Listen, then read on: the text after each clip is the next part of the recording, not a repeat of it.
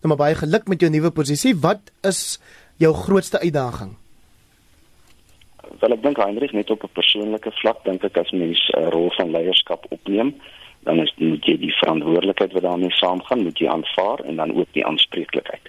Ek dink dit is uh dit uh dit spreek van self in die mense in leierskapsposisies wil wees. Maar ek dink die groot uitdaging vir ons in die land, mense kan dit dalk opbreek in uh subkompartemente, mense kan sê die hele veiligheidsdebat uh en die veiligheidstoestand van mense op plase is belangrik, die gronddebat is belangrik, die natuurlike hulpbronne debat is belangrik en, en die oplossings wat ons daarvoor voorstel, maar ek dink die groot ene is die beleidsonsekerheid wat in die land heers, uh, beide as gevolg van politieke uitsprake, populistiese uitsprake en dan ook sekere forme van wetgewing. Ek dink dit maak beleggers en uh, in die landbou dit, dit streng belegging, dit maak mense onseker. Ek dink dit is die groot debat wat ons sal moet oplos. Verduidelik vir ons 'n bietjie meer oor hoe dit homself uitspeel, hierdie beleidsonsekerheid. Wel ek dink kom ons kom ons vat eers 'n sekere wetgewing wat vir die landbou beplan word. As ek kyk na die uh grondplafonne wetgewing, as ek dit maar net daai gewone naam kan noem wat op wat in beplanning is. Die uitsprake rondom of ons grond kan onteien nou nie praat ek nie eers van net sonder vergoeding nie. Ek praat dan van die debat van ons kan grond veel goedkoper kry selfs nog uh, in die hande kry onder die grondwet. En dit maak mense baie onseker. En ons het beleidsekerheid nodig vir mense om te belê en as mense belê, dan sal ons ekonomiese groei kry. So ek dink dit is 'n wetgewing, uh, dit is 'n politieke uitsprake, dit is in wat op die stadium in die land aangaan in in terme van korrupsie. Dit is die aanslag op ons grondwetlike beginsels en instellings. So hier's 'n hele verskeidenheid van hierdie uh van hierdie tipe dinge wat ons kan gebruik om te sê dit maak mense onseker.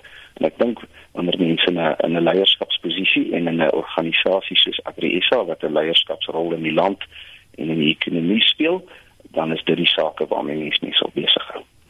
Dan die waterkrisis is een van die belangrikste ag agendapunte daar op julle kongres. Sê vir ons iets oor die droogte bepaald in die Weskaap en of dit uh voedselpryse sal beïnvloed.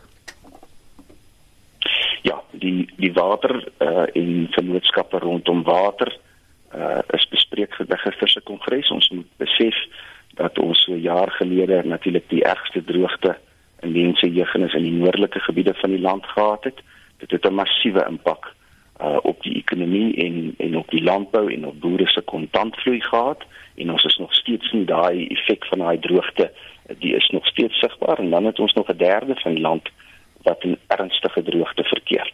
En uh, ons is almal bewus van uh, wat die posisie in die Weskaap is. En dit gaan 'n definitiewe impak uh, op die landbou hê. Dit gaan 'n definitiewe impak op produksie hê. Uh, en dit uh, en dit gaan heel moontlik 'n groot impak op voedselpryse hê um, en en natuurlik op die op die winsgewendheid en die volhoubaarheid van landbou ehm um, baie van ons uitvoerbedrywe is in die Weskaap, die vrugtebedryf ensovoorts en uh, ons is regtig baie bekommerd oor daai situasie. Nou ons kollega Malikole Gwachu wat julle kongres bywoon laat weet dat daar planne is om Agri SA om te skakel in 'n maatskappy. Watter implikasies het dit vir julle lede? Ons het uh, ek dink wat enige organisasie of uh, besigheid doen is jy vernuwe jouself voortdurend om om wat die omgewing waarbinne jy opereer te verander. So ons het in die laaste jaar of twee het ons deur 'n doodgewone proses van organisatoriese herstrukturering gegaan. So dit is net hoe jy dinge meer effektief en en beter kan doen.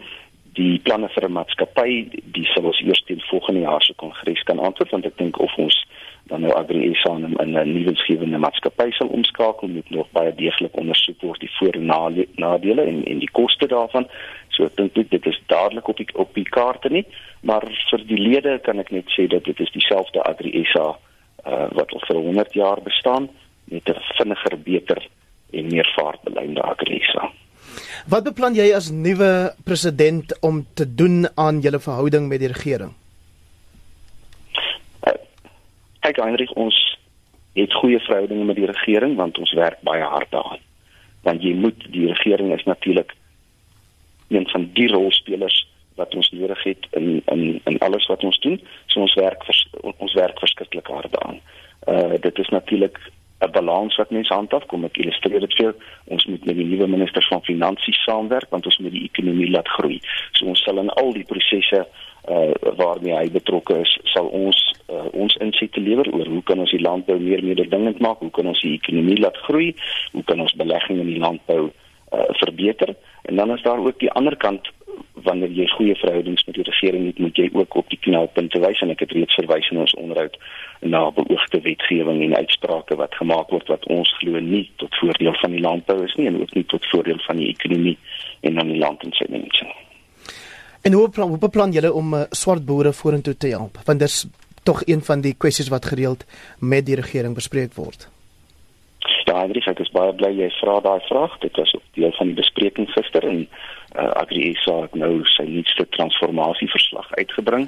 Ek dink die enigste manier waarop ons uh, uh, gaan kyk of grondhervorming slaag en of boerontwikkeling slaag, is jy moet nou gaan kyk wie is suksesvol en wie is nie. En ehm uh, uh, Dr. Matthew Sposa was gister spreker op die kongres en hy het self die die statistiek genoem dat 90% van die pogings deur die regering aangewend word in terme van grondhervorming die werk nie. Daarteenoor is ons bedryfsorganisasies in AgriSA is uiters suksesvol om nuwe boere te vestig. Ons nuutste transformasieverslag noem maar net uh, drie van ons um, bedryfsorganisasies, naamlik Katoen Suid-Afrika, Nasionale Wolkwekersvereniging en Graanesa. Dit is maar net drie van van 'n stuk van in die 20 en die fantastiese werk wat hulle doen, die die fondse wat hulle daarop spandeer, amper 100 000 um, opkomende boere uh, wat gehelp is en hierdie goeie suksesvol en ek dink dis waar die vennootskapsbenadering moet inkom waar ons die hulp van die regering nodig het dat ons doen wat ons goed kan doen en dit is ons kan boere vestig want ons weet hoe om dit te doen en dan het ons ander hulp en finansiële hulp en ondersteuning van die regering nodig. So dit is absoluut krities.